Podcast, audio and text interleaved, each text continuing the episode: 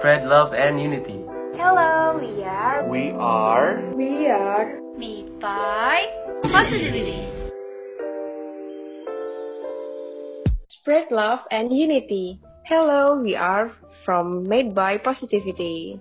Halo teman-teman semuanya. Gimana nih kabarnya? Semoga semuanya baik-baik aja ya.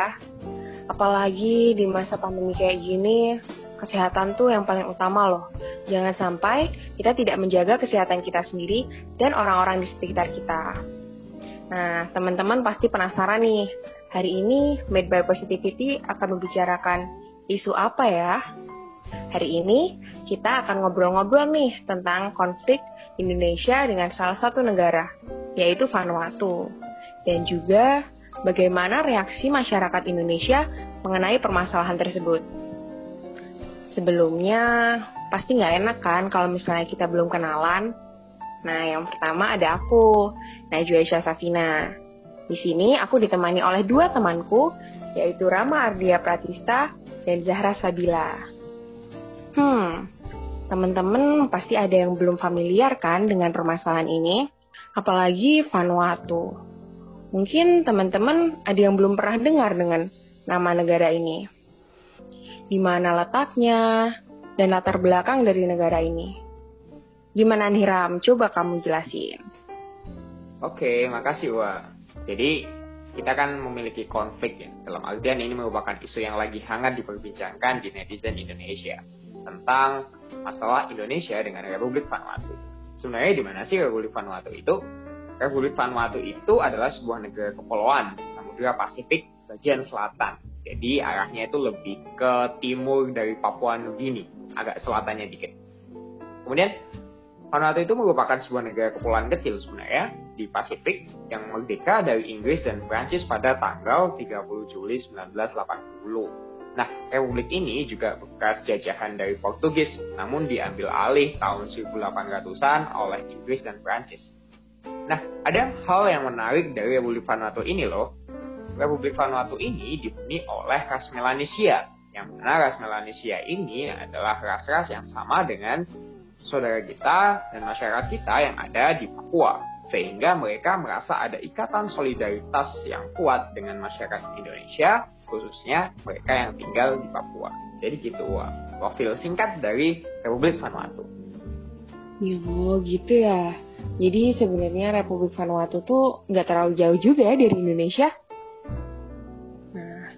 Terus kalau tentang konflik Vanuatu dengan Indonesia ini sebenarnya awalnya mulainya gimana sih? Nah, benar banget. Kalau kita ngomongin tentang konflik antara Vanuatu dan juga Indonesia, itu sebenarnya konfliknya ada di perdebatan di sidang PBB, wah. Jadi sejak tahun 2016, Vanuatu ini sudah sering kali menyuarakan aspirasinya tentang pelanggaran-pelanggaran HAM yang terjadi di Papua Nah, awalnya mereka melontarkan kritik terhadap Indonesia bahwa Indonesia melakukan berbagai pelanggaran HAM, tidak mendukung gerakan kemerdekaan Papua, dan lain-lain. Namun, di tahun 2016, diplomat kita, Naramasista, menganggap bahwa kritik tersebut adalah provokatif dan mendukung gerakan separatis di Papua. Kemudian tahun 2017 berlanjut lagi. Disangkal oleh diplomat kita oleh Ainan Nuran dikatakan bahwa kritik yang disampaikan Vanuatu itu hanya hoax saja, tidak berdasarkan dengan fakta atau yang lain-lain. Itu sengaja dibuat untuk menggiring opini internasional untuk membuat image bangsa Indonesia bahwa bangsa Indonesia adalah negara yang penuh dengan pelanggaran HAM yang terjadi di Papua. Nah, ini nih, ada hal yang menarik. Bahkan Wapres kita tahun jabatan 2014-2019 yaitu Bapak Yusuf Kala bahkan sampai menyindir Vanuatu menyalahi kebijakan PBB. Karena menurut beliau, masuknya Papua ke Indonesia itu berdasarkan prosedur yang sudah diatur dan diawasi PBB, jadi nggak boleh tidak mengakui Papua sebagai bagian dari Indonesia. Apabila Vanuatu tidak mengakui Papua sebagai bagian dari bangsa Indonesia, maka Vanuatu secara langsung tidak mengakui kedaulatan wilayah Indonesia secara keseluruhan. Nah, kemudian konflik juga berlanjut di tahun 2019 nih. Oleh diplomat Indonesia, beliau adalah Rayenul Sangaji, mengatakan bahwa kritik Vanuatu dianggap sebagai state-sponsored separatism. Buktinya adalah Vanuatu ingin menunjukkan kesan ke dunia bahwa mereka mendukung isu HAM. Tetapi ada hal yang perlu digarisbawahi nih. Motif yang sebenarnya adalah negara itu mendukung agenda separatis, yakni di Provinsi Papua Barat. Langkah provokatif Vanuatu menunjukkan dengan terang bahwa aksi separatis di Papua tidak lagi bersifat lokal karena telah didukung negara tersebut. Itulah yang dinamakan dengan state sponsored separatism. Begitu. Wah, panjang juga ya sejarah konflik Indonesia dengan Vanuatu ini. Bahkan sampai bertahun-tahun. Wow, lama juga ya. Tapi dari yang aku dengar-dengar nih, katanya di tahun 2020 ini konflik ini masih berlanjut ya? Gimana tuh Zahra? Bener banget Wah, tahun 2020 ini di sidang umum PBB yang ke-75, Vanuatu juga menyampaikan kritik yang sama nih. Tapi delegasi kita diwakilkan oleh Silvani Austin Pasaribu menyerang balik kritikan dari Vanuatu. Sorry guys. Menyerang balik Vanuatu tadi dengan menganggap bahwa Vanuatu ini munafik karena mereka saja belum menandatangani konvensi internasional tentang penghapusan diskriminasi rasial untuk semua orang. Lalu juga disampaikan bahwa Vanuatu tadi memiliki obsesi yang nggak sehat terhadap Papua dan diminta untuk berhenti berfantasi menjadi perwakilan rakyat Papua. Nah, tapi nih, ada yang menarik nih dari komentar Silvani tadi. Banyak pihak kita yang merasa Silvani itu terlalu ngegas. Jadi salah satunya ada nih Dewi Fortuna Anwar. Beliau ini ahli ilmu hubungan internasional di Lembaga Ilmu Pengetahuan Indonesia atau LIPI. Jadi beliau menyampaikan bahwa seharusnya nih kita Indonesia itu seharusnya nggak mudah terpancing dengan kritik yang disampaikan Vanuatu. Karena seperti yang disampaikan Rama tadi, Vanuatu tuh udah konsisten banget secara dalam lima tahun nih menyampaikan kritik yang sama. Jadi kita bisa lihat ada image tertentu dari Indonesia yang dipandang masyarakat dunia sebagai tadi image yang mendukung pelanggaran HAM di Papua. Jadi untuk mengubah image tadi memang harus ada perubahan yang konkret dan ada sesuatu yang bisa membuktikan ke dunia kalau Indonesia tuh nggak seperti itu. Nah, sama nih, ada lagi pakar LIPI lainnya, Adriana Elizabeth, beliau juga menyampaikan kalau ya reaksi Indonesia tuh berlebihan seharusnya waktu 6 menit yang diberikan tadi bisa digunakan untuk menyampaikan hal-hal apa saja nih yang sudah dilakukan oleh pemerintah Indonesia untuk menghentikan isu rasisme dan meminimalisasi kesenjangan sosial yang ada di Papua. Salah satunya nih ada otonomi khusus, lalu juga ada pembangunan infrastruktur. Ya, jadi begitu wah tahun 2020 ini memang Vanuatu mengangkat isu yang sama. Gitu. Wah, sayang sekali ya kalau misalnya dibilang delegasi dari Indonesia dianggap terlalu ngegas dalam dalam menghadapi permasalahan ini. Hmm, kalau masyarakat Indonesia sendiri gimana nih reaksinya terhadap isu konflik Indonesia dengan Vanuatu ini? Apalagi di masa era digital kayak gini kan media sosial gimana ya mengambil peran yang besar kepada masyarakat. Pasti mereka banyak nih mengutarakan pemikiran-pemikirannya di media sosial. Gimana Zara? Ya bener banget media sosial akhir-akhir ini apalagi masa stay, stay at home gini ya yeah. penggunaannya sangat meningkat terutama Instagram dan beberapa waktu ini memang isu yang viral itu netizen kita melontarkan komentar-komentar yang berbau rasisme di Instagramnya uh, pariwisata Vanuatu. Sampai-sampai pihak mereka itu ngedisable fitur komennya. Tapi menurut Nick Howlett nih, manajer Vanuatu Tourism Office, pihaknya sudah memprediksi akan terjadi fenomena fenomena yang seperti ini. Karena sebelumnya juga pihaknya sudah pernah mengalami hal-hal yang kayak gini. Karena tadi Vanuatu sudah aktif menyuarakan pelanggaran HAM di Papua selama lima tahun dan pihaknya juga menganggap bahwa komentar-komentar rasis tadi disampaikan oleh akun-akun yang tidak otentik atau bahasa kita nih akun-akun bot dan dinilai sebagai gerakan yang terstruktur. Jadi memang sudah direncanakan begitu. Lalu juga ada juru bicara Kementerian Luar Negeri Indonesia yang memberikan komentar dan pernyataan bahwa masyarakat Indonesia itu masyarakat yang anti rasisme. Jadi tidak mungkin lah masyarakat Indonesia akan melakukan memberikan komentar-komentar yang seperti itu. Jadi gitu faktanya. Kalau menurut Rama, gimana nih dari fakta-fakta tadi dan tindakan netizen kita? Menurut kamu gimana? Oke, okay.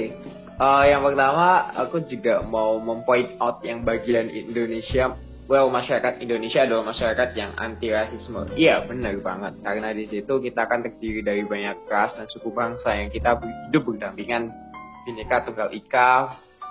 Betul. Tapi juga kita nggak bisa mengeneralisasi itu semua karena ketika kita berbicara tentang berpendapat itu kembali lagi kepada pribadi masing-masing. Ya kita tahu sebagai masyarakat Indonesia sendiri aku juga mengakui bahwa netizen-netizen Indonesia itu sering kali jempolnya itu gatel banget ya kayak kalau misalnya mau apa mau berkomentar negatif kemudian terlalu cepat untuk take pancing terhadap isu-isu yang sebenarnya well coba kita lihat isu ini deh Vanuatu berbicara berpendapat itu pun di forum yang resmi banget loh. Itu setingkat General Assembly di PBB kan, di mana kebebasan berpendapat berpendapat benar-benar didukung di sana dan mereka selama mereka punya bukti silahkan untuk berpendapat.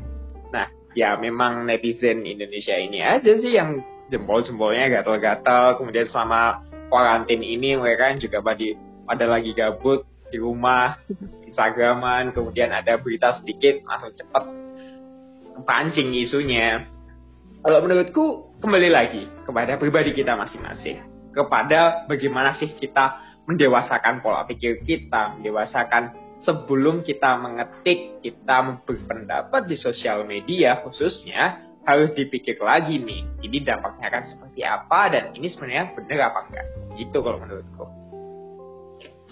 Bener banget sih Ram. Memang kadang-kadang tuh banyak banget netizen di Indonesia yang bahkan belum tahu nih isunya tentang apa, tapi ikut aja ngasih komentar-komentar negatif. Bener-bener itu. Itu tuh emang sangat disayangkan banget sih. Apalagi hmm. negara Indonesia emang negara multikulturalisme gitu. Masa malah yep. rasis terhadap malah rasis terhadap nah malah rasis terhadap negara lain yang akhirnya mengarah kepada global racism kan? Iya. Nggak bener sih sebenarnya kayak gini. Terus gimana nih Zahra? Seperti yang kita lihat nih kalau menurutku sendiri nih isu-isu yang tindakan tadi tindakannya tadi tuh malah cenderung mengkaburkan fokus kita terhadap Bener. penyelesaian pelanggaran HAM yang di Papua.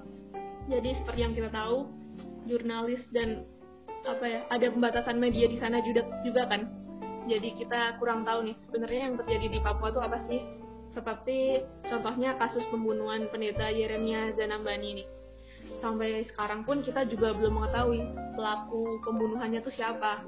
Dan dari isu yang beredar nih ada apa ya dua pendapat antara pelakunya itu militer atau gerakan separatis sana dan seperti kalau kita kaitkan dengan isu Vanuatu ini, kita malah cenderung ngepoint out siapa yang harus disalahkan. Apakah Vanuatu yang intervensi atau memang terjadi pelanggaran HAM di Papua. Jadi kita kehilangan fokus gitu. Seharusnya yang kita point out dan kita highlight tuh di sana emang ada pelanggaran HAM dan korbannya ya lagi-lagi masyarakat sipil. Jadi tolong kita berhenti menyalahkan siapa dalang dibalik semua ini, tapi mari kita coba menghentikan tadi pelanggaran HAM yang ada di sana. Yap, benar. Aku setuju terhadap pendapatnya Zahra tadi terkait pelanggaran HAM yang terjadi di Papua. Kita lebih fokus kepada pengalian-pengalian isu setiap kali ada permasalahan kasus yang membahas tentang HAM di sana. Menurutku sebagai masyarakat sipil, apa pun konfliknya, pasti kita yang akan menjadi korbannya. Bukan mereka yang berkuasa, bukan mereka yang menjadi militan atau separatisme di sana. Nah, aku mendukung banget di perdalam kajiannya, kemudian diperbanyak penelitian-penelitian terkait pelanggaran HAM itu sehingga semua kasus yang ada bisa dibawa ke hadapan hukum yang berlaku karena Indonesia adalah negara hukum dan akhirnya bisa membantas segala pelanggaran HAM yang terjadi di Papua. Begitu. Wah, hari ini isu yang kita bicarakan lumayan menarik ya emang sih sebagai masyarakat Indonesia kita harus aware terhadap permasalahan-permasalahan yang ada di negara kita tercinta ini. Jangan sampai kita cuma terpancing oleh netizen-netizen yang cuman ikut ngehujat aja. Kita juga harus mengkaji lebih dalam dan mempelajari apa sih sebenarnya yang terjadi di Indonesia ini. Jangan sampai kita bertindak rasis. Apalagi negara kita kan negara anti rasisme, negara multikulturalisme. Kita harus mencerminkan hal tersebut dan jangan sampai menjelekkan nama Indonesia di mata dunia. Nah, gimana nih teman-teman? Jangan sampai kita sampai bertindak rasis ya. Semoga Made by Positivity hari ini bisa membuka wawasan teman-teman semua dan bisa mengingatkan sesama agar kita tetap dewasa dalam ber bertindak dalam memberikan pendapat, kita juga harus mem banyak membaca literasi yang ada dan aware terhadap permasalahan-permasalahan di Indonesia ini. Terima kasih semuanya. Sampai jumpa di episode selanjutnya dari Made by Positivity.